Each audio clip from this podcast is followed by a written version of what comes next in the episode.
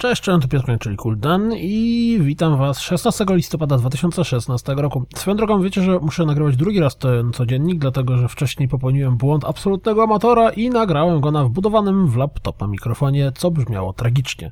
Także zaczynajmy nowy codziennik. Pojawił się premierowy zwiastun Time Machine VR. Czy ktoś marzy o pływaniu z dinozaurami? A co powiecie na premierowy zwiastun Assassin's Creed The Ezio Collection? Valhalla Hills, którą swego czasu omawiałem na nagraniu, zawita również na PlayStation 4 i Xbox One w lutym 2017 roku.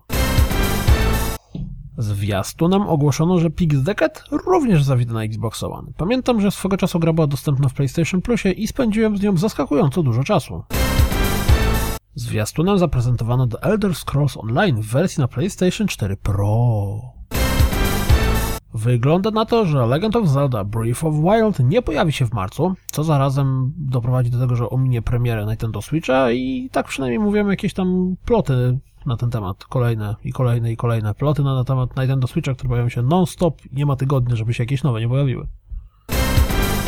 22 listopada Laser Disco Defenders pojawi się na PlayStation 4. Gra jest już dostępna na PlayStation Vita.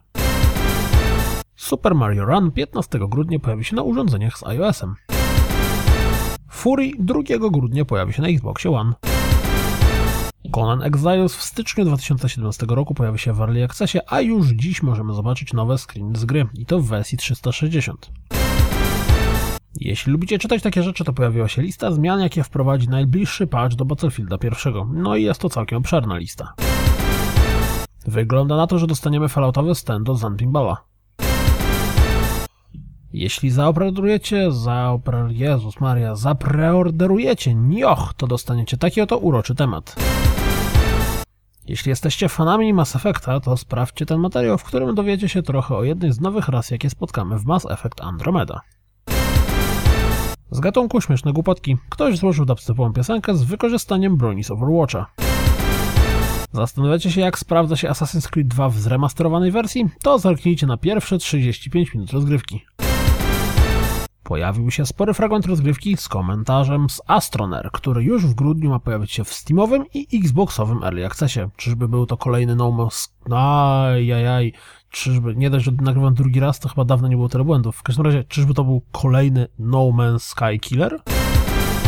Pojawiło się kolejne 20 minut rozgrywki Space Hulk Deadwing. To wszystko na dziś. Jak zawsze dziękuję za słuchanie. Jak zawsze przepraszam za wszystkie pomyłki i mam nadzieję, że słyszymy się jutro. A oprócz tego, jeśli doceniacie moją pracę, to zapraszam Was do wsparcia mnie na Patronite. Trzymajcie się, do usłyszenia. Cześć!